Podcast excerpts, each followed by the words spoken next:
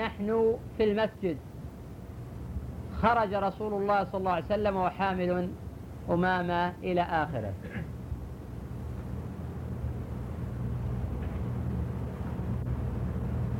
ظاهر الروايات أن هذا الأمر وقع في صلاة الفريضة. وقد جاء في رواية أبي داود صلاة الظهر أو العصر.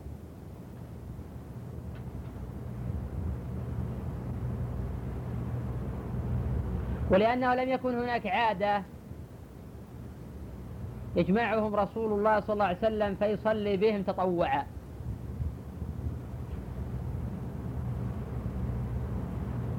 فالأمر حينئذ كان في صلاة الفريضة. وهذا هو الأصل. فلا يصح الخروج عنه بدون دليل.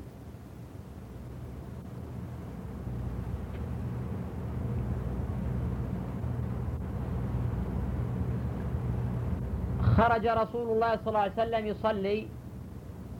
هذه الرواية مع رواية مسلم بينما نحن في المسجد.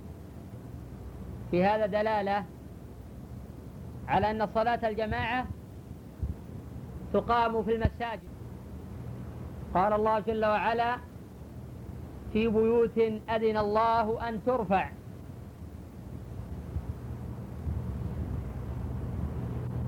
وقد اختلف الفقهاء رحمهم الله في حكم صلاة الجماعة وفي حكم إقامتها في المسجد.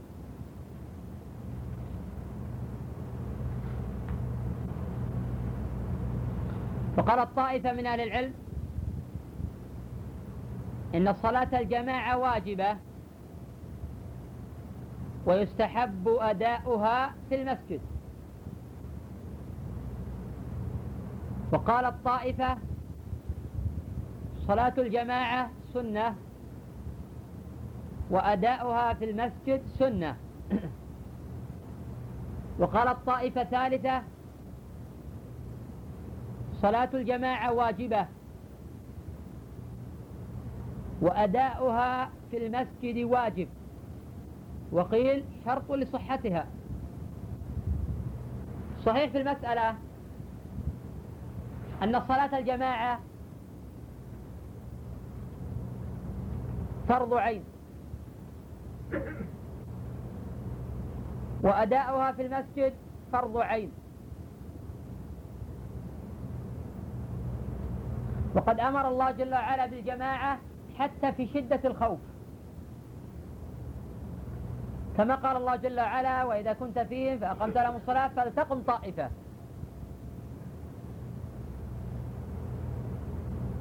وهذه الصلاة هي صلاة الخوف. وقد وقعت في السفر. ففي هذا دلالة قوية على وجوب صلاة الجماعة حضرا وسفرا.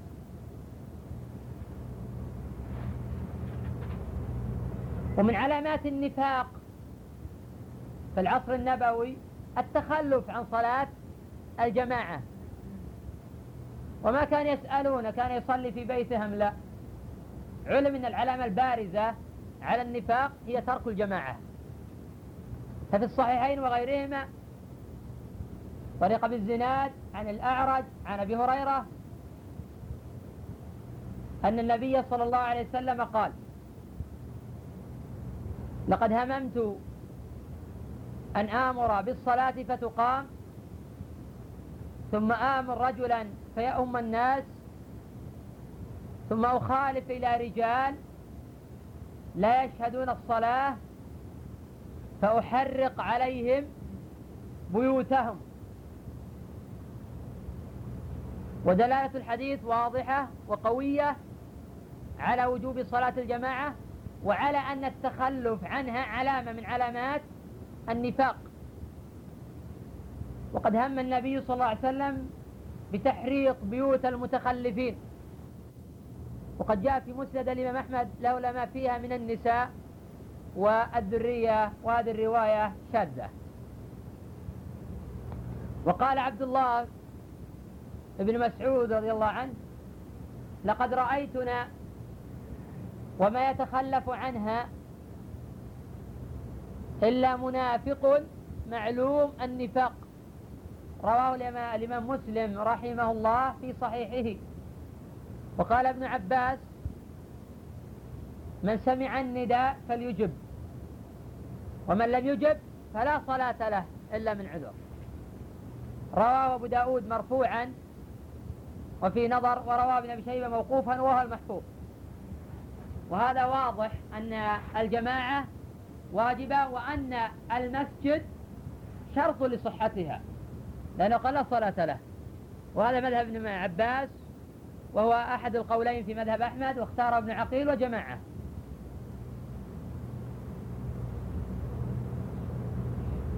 المقصود التنبيه على هذه المسألة وليس المقصود بحثها والتعمق في النظر في أدلة كل فريق. لكن ينبغي أن نفهمه والنعيه أن الدليل هو الفيصل في كل مسألة. فليس هو مذهب فلان ولا الآخر. الله أعطانا عقولا والكتب متوفرة لنبحث فيها فلا نقلد أحدا في دين الله جل وعلا. والأدلة واضحة وقوية في وجوب صلاة الجماعة وفي وجوب أدائها في المساجد. فلا عذر لأحد يتخلف عن أدائها في المساجد إلا من عذر الله جل وعلا. الأعمى الذي لم يجد لا قائدا يقوده ولا يلائمه وحين سأل النبي صلى الله عليه وسلم عن ذلك قال لي رخصة نصلي في بيتي؟ قال نعم. فلما أراد يولي قال له النبي صلى الله عليه وسلم أتسمع النداء؟ قال نعم. قال فأجب. فإني لا أجد لك رخصة. رواه مسلم في صحيحه وأبو داود. قوله هو حامل أمامة. أمامة طفلة صغيرة. وهي ابنة أبي العاص. زوج زينب بنت الرسول صلى الله عليه وسلم. وقد ذكر غير واحد من أهل العلم بأنها نسبت هنا لأمها. وحامل زينب وحامل أمامة بنت زينب بنت الرسول صلى الله عليه وسلم. قيل من أجل شرف أمها. وقيل لا إن هذا راجع لأنها مسلمة وكان والدها آنذاك كافرا. ولكن لئلا يظن ظان. بأنها جاءت من غير زوج قال هناك وهي ابنة أبي العاص. وهذا مجرد تعليل. وقد يقال والعلم عند الله بأنها نسبت لأمها لأنها أمها كانت معروفة ومشهورة فهي ابنة رسول الله صلى الله عليه وسلم. ولا مانع من نسبة الطفل لأمه إذا اقتضت مصلحة. مع عدم التنكر للأب وإن كان كافرا. غير أن العلماء متفقون على تحريم انتساب المرء إلى غير أبيه. وإن كان والده كافرا. يحرم الانتساب إلى غير الأب. وإن كان الأب كافرا. النبي صلى الله عليه وسلم يقول أن النبي لا كذب أنا ابن عبد المطلب. عبد المطلب كان كافرا. ووالد النبي صلى الله عليه وسلم عبد الله كان كافرا. وقال صلى الله عليه وسلم أن أبي وأباك في النار. جاء هذا في الصحيح الإمام مسلم من حديث حماد بن سلمة عن ثابت البناني عن أنس عن النبي صلى الله عليه وسلم. ولم يبتعد عن الانتساب لأبيه ولا عن الانتساب لأجداده. الانتساب للمرء لا يجوز لا ينتسب لغير أبيه. ادعوهم لآبائهم وأقصد عند الله. فإن لم تعلموا آباءهم فإخوانكم في الدين ومواليكم وليس عليكم جناح فيما أخطأتم به ولكن ما تعمدت قلوبكم. إذا المحرم هو تعمد الانتساب إلى غير الأب.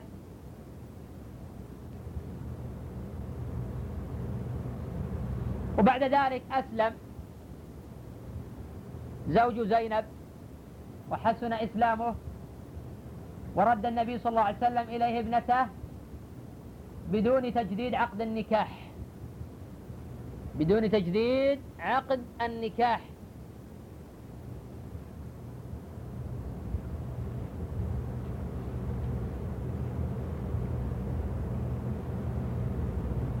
نأخذ من هذا تواضعه صلى الله عليه وسلم. ونأخذ من هذا حسن خلقه صلى الله عليه وسلم. ونأخذ من هذا مشروعية تطييب قلوب آباء الأطفال وأمهاتهم. بإعطائهم ما يرفع من معنوياتهم أو بالإشادة بهم أو بتقبيلهم أو بضمهم أو بغير ذلك من الأشياء. التي ترفع منها من معنويات آبائهم.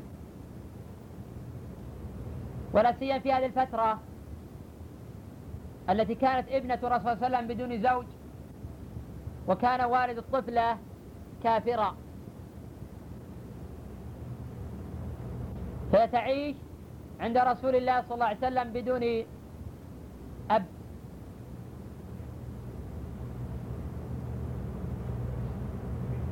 قوله فإذا سجد وضعها وفي رواية فإذا ركع.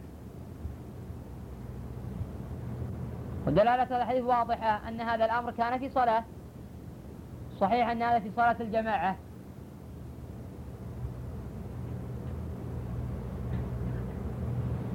فنأخذ من هذا دلالة قوية على جواز دخول الصبيان للمساجد. دلالة قوية على جواز دخول الصبيان للمساجد.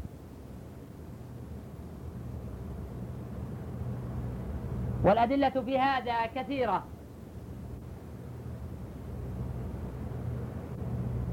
ولكن لا يعني هذا اصطفافهم في الصلاة. فإن هذا إثم وحرام ما لم يكن الصبي مميزا ويحسن الوضوء والصلاة. قد قال النبي صلى الله عليه وسلم من وصل صفا وصله الله ومن قطع صفا قطعه الله. رواه النسائي وغيره من حديث ابن عمر وإسناده صحيح. لكن لا مانع من إحضاره للمسجد وجعله خلف الصفوف. ما لم يكن أذاه شديدا. فحينئذ يجلس في بيته لئلا يؤذي المصلين ويشوش عليهم صلاتهم. أما إذا كان اللعب يسيرا حيث لا يؤدي إلى التشويش المطلق على المصلين أو اللعب والعبث الكثير. ولا سيما أن بعض الآباء يستصحب ابنه ويعلم منه التشويش. وليس هو الدافع لإحضار تعلم الآداب والأخلاق وتعلم كيفية الصلاة والترغيب في الدين. مجرد أن يؤذي الطفل أمه في البيت يقول اذهب بنا إلى المسجد. المسجد ليس روضة أطفال. مسجد التعليم واكتساب الأخلاق نعم. أما جعله مكانا للعبث واللعب فهذا له حكم آخر. ولا مانع كما أسلفنا من إحضار الأطفال ولو حصل منهم لعب يسير. لكن على وجه الدوام على وجه الأذية للمصلين هذا يجب منعه. وأما حديث جنبوا صبيانكم وأطفالكم جنبوا صبيانكم ومجانينكم مساجدكم فهو خبر ضعيف بالاتفاق. ذكره العقيلي في الضعفاء وأشار إلى نكارته غير واحد من كبار المحدثين.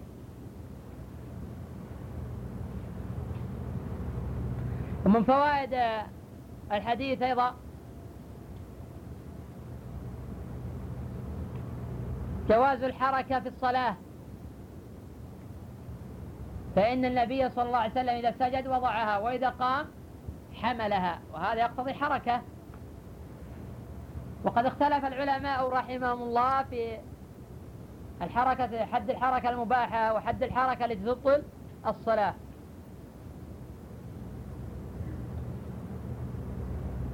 فقال بعض أهل العلم بأن الثلاث الحركات المتواليات تبطل الصلاة. وهذا مروي عن أبي حنيفة وقول الحنابلة وجماعة من أهل العلم. وهذا ضعيف ولا دليل عليه. هذا ضعيف ولا دليل عليه. وقالت طائفة أخرى إن الحركة الكثيرة هي التي تبطل الصلاة ومع عداها فلا تبطل الصلاة. وهذا أيضا يحتاج إلى دليل. فإن النبي صلى الله عليه وسلم قال اقتلوا الأسودين في الصلاة. روى الأربعة وغيرهم بسند صحيح من حديث هريرة وهذا يقتضي إلى بحث عن نعل أو عصا وما يقتضي ضربا وكثرة حركة. ولم يأمر النبي صلى الله عليه وسلم بقطع الصلاة. وقالت طائفة من أهل العلم الصلاة لا تبطل بالحركة مطلقة ما لم يستدبر القبلة. فإنه إن استدبر القبلة بطلت صلاته بالاتفاق. لأن من شروط الصلاة استقبال القبلة. فإذا استدبرها بطلت صلاته. وهذا مذهب أبي برزة الأسلمي أو جاء ما يدل عليه في البخاري. وقول طائفة من أهل العلم وأهل الحديث. ولعل هذا القول هو أقرب الأقوال إلى الأدلة. وفي المسألة مذاهب كثيرة في التفريق بين المتصل والمنفصل والقليل والكثير وبين ما كان لحاجة وبين ما كان لغير حاجة. صحيح أن الحركة لا تبطل الصلاة ولكن إن كانت لغير حاجة يأتم بها. إن كانت حركة كثيرة يأتم بهذه الحركة لكن لا تبطل الصلاة. ويمكن أن نقول بأن الحركة في الصلاة أقسام. القسم الأول مستحب كرفع اليدين في الصلاة وترفع الأيدي في أربعة مواطن. تكبيرة الإحرام في الركوع في الرفع من الركوع في الرفع من التشهد الأول. إذا هذه حركة مستحبة. النوع الثاني حركة واجبة حركة واجبة. كالحركة للركوع والرفع من الركوع والهوي للسجود. هذه حركة واجبة. لا تصح الصلاة إلا بها ركن من أركان الصلاة. النوع الثالث حركة مكروهة. وهي العبث بالساعة العبث في الشماغ العبث بالمشلح العبث بالأسنان وإذا كثرت هذه الحركة قد تصل إلى المحرم.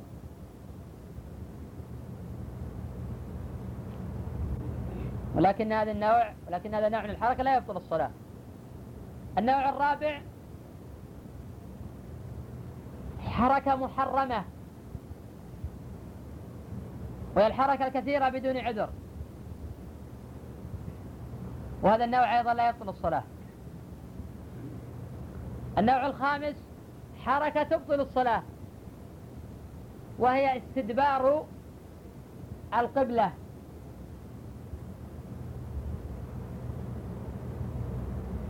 بحيث لا يصمد إلى القبلة. ينحرف شمالا أو جنوبا أو شرقا.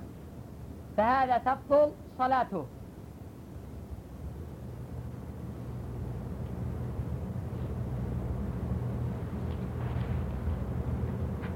ومن فوائد الحديث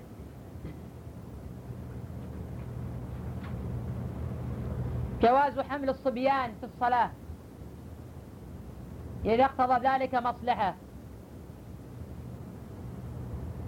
كان لا يوجد في المنزل من يحمل الطفل أو من يؤويه فأستصحب معي لعذر فأصلي وأنا حامله. من فوائد الحديث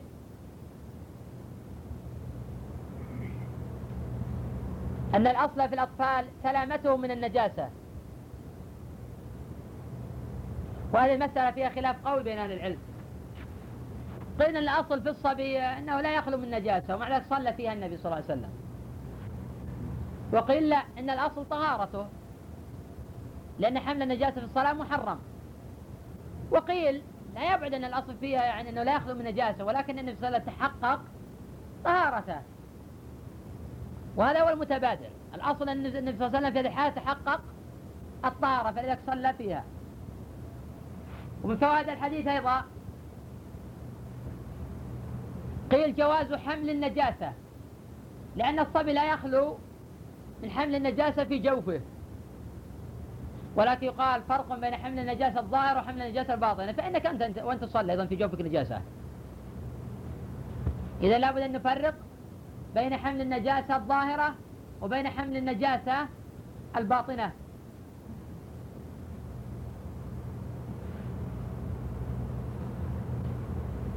وفي الحديث أيضا بقية فوائد ننظر في مشاركة الأخوة. نعم.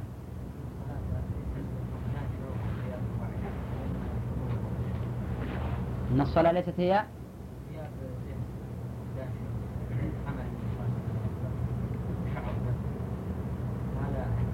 نعم. هي أن الصلاة يقول الأخ ليست هي فقدان شعور وغياب وعي كما يروى لنا في كثير من الكتب. وينقل لنا حتى عن بعض الأئمة المتبوعين كبعض التابعين وأنه يغيب شعوره إذا صلى. كما يقال إذا أردت أن تقطعوا قدمي فاقطعوها في الصلاة. ومع ذلك الخطباء يفرحون بمثل هذه الحكايات ويتناقلونها ويتكثرون بها. والآخر يقول إذا دخلت الصلاة غاب ذهني. هذا من جاهلك غاب ذهني النبي صلى الله عليه وسلم كان يحمل أمامة ويشعر بما يقول. يقول اقتلوا الأسودين في الصلاة. لو كانت غابت عقولهم كالمتصوفة ما أدرك الحية وذهب يطاردها في الصلاة.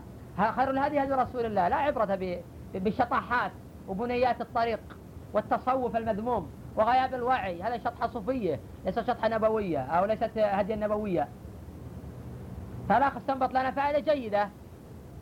أن الصلاة ليس غياب الشعور وليس من الخشوع في شيء. النبي صلى الله عليه وسلم كان يخشع ويحمل أمامه يخشع يقول اقتلوا الأسودين في الصلاة. لقلب عزيز كعزيز المرجل ويشعر بكل الحركات وبكل السكنات حتى إذا غلط ردوا عليه شعر بهذا. نعم. نعم يا خالد. فعل التبكير إلى الصلاة وادراك التكبيرة الأولى الصحابه كانوا ينتظرون النبي صلى الله عليه وسلم نعم والصحابه كانوا ينتظرون النبي النبي عليه الصلاه والسلام نعم مشروعية المبادرة إلى الصلاة حيث أن الصحابة رضي الله عنهم ينتظرون رسول الله صلى الله عليه وسلم في المسجد فخرج عليهم وهو حامل أمامة. نعم من فوائد الحديث أيضا. نعم. نعم تقدم هذا في كلامي في تواضعه صلى الله عليه وسلم. قد الإشارة إلى هذا؟ نعم. يكون في القلب. نعم. الخشوع يكون بالقلب نعم. لأن الخشوع يكون بالقلب. لأن الخشوع يكون بالقلب. وقد يكون الخشوع بالجوارح كالأثر المروي. لو خشع قلب هذا لخشعت جوارحه. ولكن هذا الأثر ضعيف ولا يصح لا موقوفا ولا مرفوعا. ولكن لا, لا ريب أن بينهما ارتباطا. نعم. نعم. هذا استنباط البخاري. البخاري يرى أن المرأة لا تقطع الصلاة باعتبار أنه ما كانت بين يديه فمن باب أولى إذا مرت لا تقطع الصلاة. عكس القضية غيره قال أن المرأة البالغة لا تقطع الصلاة. قال فريق ثالث أن الحديث الوارد في قطعة في المار لا القار ولم تكن تمر بين يدي إذا هذه ثلاثة مذاهب في فهم الحديث. لكن البخاري احتج بهذا الحديث على أن المرأة لا تقطع الصلاة لأن إذا كانت بين يديه باب أولى لا تقطع صلاته. وقد يقال بالبالغة لكن البخاري ضعف رواية المرأة البالغة. إذا ما شاركوا؟ نعم. نعم. اي نعم. يقول ان اسم المرأة ليس بعورة ولا غضاضة في ذكر اسم المرأة وهذا واضح متفق عليه. جيد. في أيضا فائدة أخرى مهمة. نعم. الرفق بالأطفال جيد. في فائدة أيضا مهمة أخرى حول الموضوع هذا حتى لا نخرج عنه. أن مس المرأة لا, لا, لا, لا, لا ينقض الوضوء. كان مس المرأة لا ينقض صغيرة أو كبيرة. صغيرة أو كبيرة. فهذا الذي يمس المرأة ويصلي فلم تنتقض طهارته. بعض العلماء قيد هذا بالمحارم. بعض العلماء قيد هذا المحارم ويمكن يقال لأن هذه حادثة عين نقول أن مس المرأة المحرم لا ينقض الوضوء. الذين ما شاركوا محرم هي من محارم هذه. بيت ابنته هو جدها صلى الله عليه وسلم. نعم. لكن عد بالجملة نقول نعم أن مس المرأة لا ينقض الوضوء على الصحيح كما تقدم تقريره مرارا. لأن لم يرد دليل في هذا. وهذا مذهب الإمام الشافعي رحمه الله آه هذا مذهب الإمام أبي حنيفة رحمه الله. هذا مذهب الإمام أبي حنيفة بأن مس المرأة لا ينقض الوضوء مطلقا بشهوة أو بغير شهوة. أما الشافعي عكس القضية قال مس المرأة ينقض الوضوء مطلقا بشهوة أو بغير شهوة الإمام أحمد فرق إذا كان بشهوة نقض الوضوء كان بدون شهوة لا ينقض الوضوء. الصحيح مذهب أبي حنيفة. نحن ندور مع الدليل. قد نوافق أبي حنيفة قد نوافق الشافعي قد نوافق أحمد قد نوافق ما قد نوافق الظاهري ابن حزم. نحن نتمشى مع الدليل. ليس لنا مذهب معين في بحث القضايا. نعم. تعظيم جنس المرأة عندما رسول الله صلى الله عليه وسلم. صلى بها في صلاة الفرض. نعم في نعم جيد هذا. يعني أقول الاخ يعني أن الإسلام عني بحقوق المرأة. حيث أنه كان يصلي وهو يحمل المرأة. ولا ريب أن الإسلام له عناية عظيمة في حقوق المرأة وإعطائها حقها بخلاف الغرب والعجم الذين لا يعرفون المرأة حقا. فيجعلونها كأتات المنزل لا يعطون حقها ويحملونها ما لا تطيق. وهم يزعمون العجب أن يعطون المرأة حقها يجعلونها تعمل أعظم من عمل الرجال. وتشارك هذا من هضمها حقها وليس من إعطائها حقها وذلك لا يورثونها. نعم. حمل الأطفال سواء الإمام أو نعم جواز حمل الأطفال للإمام والمأموم. نعم. تربية عملية على البعد عن الغلو إي نعم في تربية عملية في البعد عن الغلو والتطرف.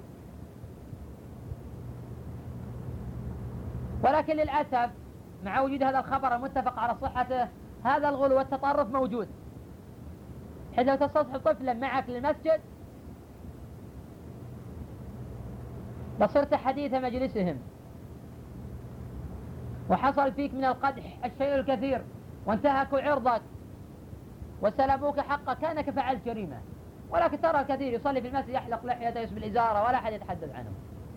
ولكن هذا حين عمل بما عمل به النبي صلى الله عليه وسلم صار حديث مجالسهم. غلو وتطرف ولكن موجود. الحديث يدل على نبذ الغلو والتطرف ولكنه وجد. نعم. نعم هذا خالد نعم قدت من الحديث أن أطفال المشركين في الجنة وجه هذا؟ هذا انه ما كان كان هو كافرا مع أن النبي صلى الله عليه وسلم يأخذها ويأتي بها إلى الصلاة فكان حكم حكم المسلمين في هذه الحالة رغم أن أباها كان كافرا.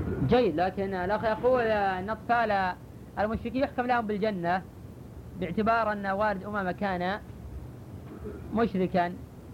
ولكن الفقهاء قالوا إن الطفل يتبع خير أبويه دينا.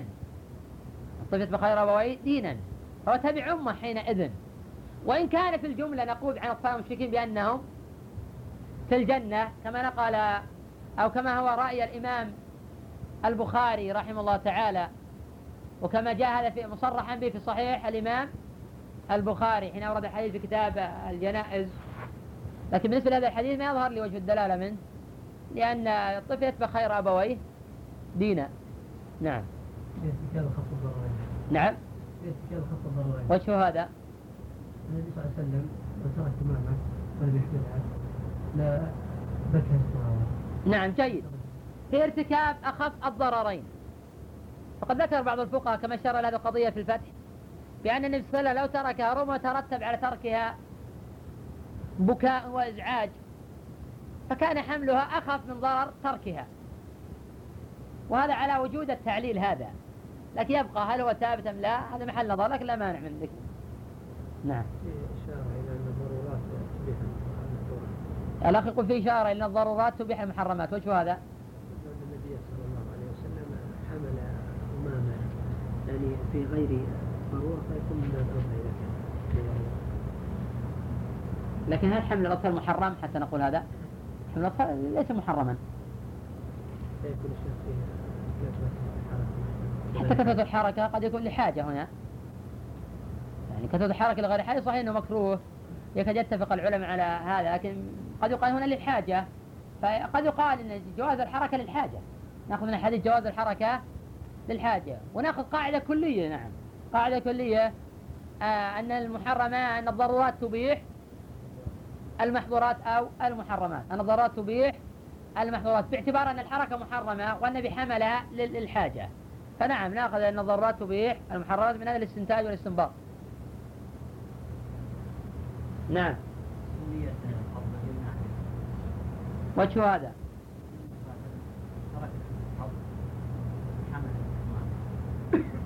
يعني في آه، ترك السنة للحاجة؟ أن النبي صلى الله عليه وسلم كان يحملها من اليقين أنه لا يضع اليمنى على اليسرى وقد يمسكها يقض عليها ويضعها اليمنى على اليسرى. قد يوجد يعني هذا مع القبض نعم. أن صلاة الجماعة في المساجد أطول صلاة في بيته خمسة هذا صحيح لكن من أين أخذت من الحديث؟ الحديث نأخذ منه مشروعية الصلاة الجماعة في المساجد هذا واضح. لكن الإجاب نأخذ من أدلة أخرى مشروعية صلاة الجماعة في المساجد. نعم. نعم. وش الاستنباط؟ إيه في في الفريضة لكن لا يعني هذا منع إقامة الجماعة في النافلة. ما صلينا لأن الصلاة فريضة. صلاة فريضة كما واضح من رواية مسلم. نعم. نعم. وجه الاستنتاج استنباط. صلى الله عليه وسلم قد ينشغل بحمله بحملها. لكنه مع ذلك ما ترك الجماعة؟ أي نعم. وجوب الجماعة وجوب صلاة الجماعة حتى مع وجود الشغل الذي لا يمنع من أدائها. فإن الإنسان كان مشغولا بأمور ذاك ما معه يستصحبها معه للمسجد يصلي بالمسلمين. نعم. لا نأخذ من حديث الشيخ في في مساعدة الزوجة على بعض أعمالها إيش الزوجة؟ هذه هي ابنته؟ أو المرأة مساعدة الأهل يعني على قضاء حوائجهم. نعم نقول في قضاء حوائج الأهل. نعم. في فائدة الأولى أخبار الطفل ليست آسيا الدعاء لأن أخبار الأطفال آه، عارض. إلا أن هذا لا قد يقال أنه ليس لأجل أن الطفل أصلا في هذه الحالة يبدو أنه صغير ليس ممن يحصل في في اقتداء. لكن قد يحصل بمن خمس سنوات ست سنوات تأسي نعم. اي نعم. في دلالة جيدة نعم. فيه يسر الدين. فيه يسر الدين وسماحته. نعم. في دليل على الفرق الذي بين المسلم والكافر اي نعم. في دلالة واضحة في التفريق بين المسلمين والكافرين بإقامة الصلاة. أو أن أطفال المشركين ليسوا بنجس والدليل أن الرسول صلى الله عليه وسلم حمل ابنته مشرك اي لكن هل نعامل الآن معاملة المشركين ولا المسلمين؟ يقول أن الطفل يتبع خير أبويه دينه. ولكنها تنسب إلى أبيها بالأصل. نعم. و... تنسب لأبيها لا إشكال فيه. لكن لا يعني أن تتبع أباها في ذلك لأن الأصل أن تنسى الطفل يتبع خير أبويه دينه. لكن لو قيل في أن من كان أبوها مشركا لا ذنب للطفل. في معنى قول الله ولا تزر وازرة وزر أخرى. جيد. يعني قال سيرة الأخوة. نعم. الأسئلة. نعم. تفضل. رفع اليدين في أربع في أربع مكان نعم. أربعة مواطن. نعم. في مواطن ولكن بعض الناس يقولون هذا منسوخ يعني لا في تكبيرة الإحرام الأخ يقول ذكرت في حديثي أن الأيدي ترفع في أربعة مواطن في تكبيرة الإحرام في الركوع في الرفع الركوع هذا متفق عليه. في حديث ابن عمر وفي أحاديث جماعة من الصحابة رضي الله عنهم. وفي القيام التشهد الأول دل عليه حديث ابن عمر في صحيح البخاري. يقول الأخ أن بعض الناس يقول بأنه منسوخ وأن الأيدي لا ترفع إلا في تكبيرات. الإحرام كما هو مذهب أبي حنيفة رحمه الله تعالى لحديث ورد عند أبي داود. أن رفع يديه في الأولى ثم لم يعد. وهذا الخبر منكر. هذا الخبر ضعيف جدا. وقد اتفق الحفاظ على تضعيفه. والأحاديث في رفع اليدين عن النبي صلى الله عليه وسلم في الصلاة تكاد تبلغ مبلغ التواتر. وعمل بها الصحابة وأكابر أئمة التابعين والأئمة المتبوعين باستثناء أبي حنيفة رحمه الله. ومن زعم أن هذه الأحاديث منسوخة فعليه الدليل. وإذا أورد لنا ما سبق قلنا هذا ضعيف في الإجماع وباتفاق المحدثين اللي عليهم الكلام في هذه الأحاديث. إذا لا نسخ في الأحاديث الصحيحة بل هذا أمر محكم ويجب أو يستحب رفع اليدين في هذه الأربعة مواضع. بل في قول آخر إن الأيدي ترفع في كل خفض ورفع. إن الأيدي ترفع في كل خفض ورفع. وهذا قول طائفة من أهل العلم. ورد في ذلك حديث ولكن في صحته نظر. ورد هذا في حديث أبي هريرة ولكنه مقلوب. ورد هذا في حديث أنس وفي ضعف. ورد هذا في حديث مالك بن حويرث وفي شذوذ أيضا. الأخ هنا كذا سؤال يقول هل كان الإمام أبو حنيفة من المرجئة أو من أهل السنة والجماعة؟ الإمام أبو حنيفة رحمه الله تعالى إمام من الأئمة المشهورين والمتبوعين في العالم الإسلامي منذ ظهوره إلى عصرنا هذا. ولا زال الأئمة رحمهم الله يستفيدون من فقهه ومن علمه ومن استنباطه ولكن الأمر كما قال الإمام مالك رحمه الله تعالى ما منا إلا راد ومردود عليه إلا صاحب هذا القبر يعني رسول الله صلى الله عليه وسلم. والإمام أبو حنيفة نفسه ينهى عن تقليده ويقول يقول اليوم القول اليوم وأرجع عنه غدا. وأنا ذكرت لكم في عدة دروس آه، القصيدة المشهورة وقول أعلام الهدى لا يعمل بقولنا بدون نص يقبل فيه دليل الأخذ بالحديث وذاك في القديم والحديث. قال أبو حنيفة الإمام لا ينبغي لمن له إسلام أخذ بأقواله حتى تعرض على الحديث والكتاب المرتضى. قال أبو حنيفة الإمام لا ينبغي لمن له إسلام أخذ بأقواله حتى تعرض على الحديث والكتاب المرتضى. ومالك إمام دار الهجرة قال وقد أشار نحو الحجرة كل كلام منه ذو قبول ومنه مردود سوى الرسول. والشافعي قال إن رأيتم قولي مخالفا لما رويتم من الحديث فاضربوا الجدار بقول المخالف الأخبار. وأحمد قال لهم لا تكتبوا ما قلته بل أصل ذلك اطلبوا فاسمع مقالات الهداة الأربعة واعمل بها فإن فيها منفعة لقمعها, لقمعها لكل ذي تعصب والمنصفون يكتفون بالنبي صلى الله عليه وسلم. العلماء تحدثوا عن الإمام أبي حنيفة بتوسع ولا سيما الإمام ابن عبد البر رحمه الله تعالى في كتاب الانتقاء في فضائل الأئمة الثلاثة. وعيب على الإمام أبي حنيفة رحمه الله تعالى القول بأن الإمام قول واعتقاد ولم يذكر الأعمال. اعتذر عنه بأنه يقول قول واعتقاد الاعتقاد تنبعث منه أعمال الجوارح. كما ذكر ذلك العز الحنفي أو ابن أبي العز الحنفي في شرح الطحوية. وهذا اعتذار جيد. ولكن يبقى أن اللفظ غلط. الإيمان قول وعمل قول القلب واللسان. وعمل القلب واللسان والجوارح.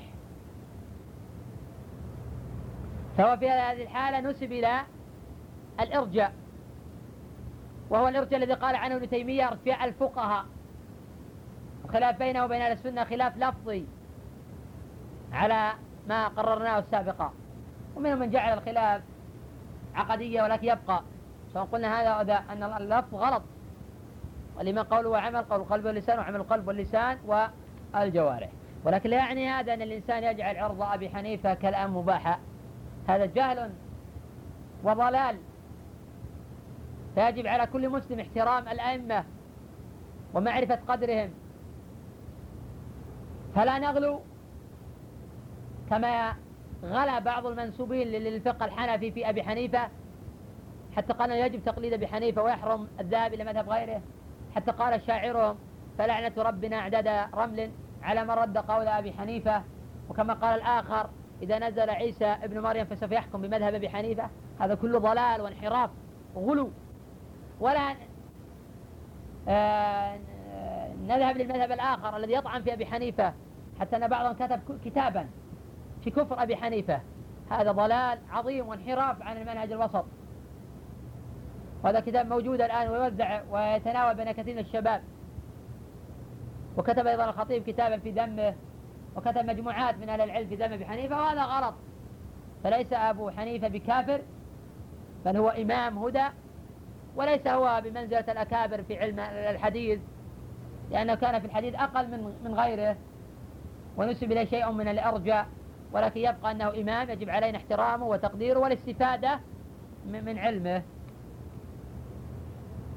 الأخ يقول الذي يقلد مذهبا معين من المذاهب الأربعة المشهورة المتبوعة في العالم وكان عالما أم جاهلا وعم هل هو صحيح أم غيره هو ناجي من النار أم لا نقول على الإنسان يعني لا مانع أن الإنسان يعني ينتسب لمذهب من المذاهب ولكن لا يعني هذا أنه يتعصب لهذا المذهب. فإذا ثبت لديه الدليل خالفه هذا محرم. إذا ثبت لديك الدليل فيجب أن تذهب إليه. لو كان يوافق مذهب الحنفي أو الشافعي أو المالكي. بالنسبة لأكل لحم الجزور مثلا نجد أن الأدلة قوية بأن لحم الجزور ينقض الوضوء. إذا يجب الذهاب إلى هذا المذهب فهو يوافق مذهب الإمام أحمد خلافا لأبي حنيفة ومالك والشافعي. في باب آخر. كما تقدم بالنسبة لمس المرأة نقول مس المرأة لا ينقض الوضوء لا بشهوة ولا بغير شهوة طبعا هذا يوافق مذهب أبي حنيفة. إذا نذهب إليه وإن خالفنا أحمد ومالكا والشافعي. وقد نذهب في مثل المسائل إلى مذهب الجمهور. تاركي مذهب أبي حنيفة حين قال بأن المسلم الذمي بأن المسلم يقتل بالكافر آه، الذمي أو المعاهد. هذا غلط. النبي قال ولا ولا يقتل مسلم بكافر. وامثله ذلك كثيرة في هذا الباب. إذا نحن نتتبع مواطن الأدلة. ألا أيها الإنسان إياك والهوى وتقليد آراء الرجال فتقتدي ولا تتعصب للمذاهب جارة وتنبذ خلف الظاهر سنة أحمد. العامي الذي لا يحسن استنباط الذي هو استنتاجها يصعب علينا أن نقول لا اجتهد. أو أن نقول يجب عليك تبحث عن الدليل في كل مسألة. لكن لا مانع يأخذ بقول من يراه أهلا للتقليد. فالعام في الحقيقة مذهبه مذهبه مفتيه إذا علم هذا العالم لا يفتي بالدليل عليه يقلده ويتبعه. إذا ثبت لديه في حالة من الأحوال أنه خالف الدليل يبتعد عنه ويأخذ بما صح عنده. والله أعلم.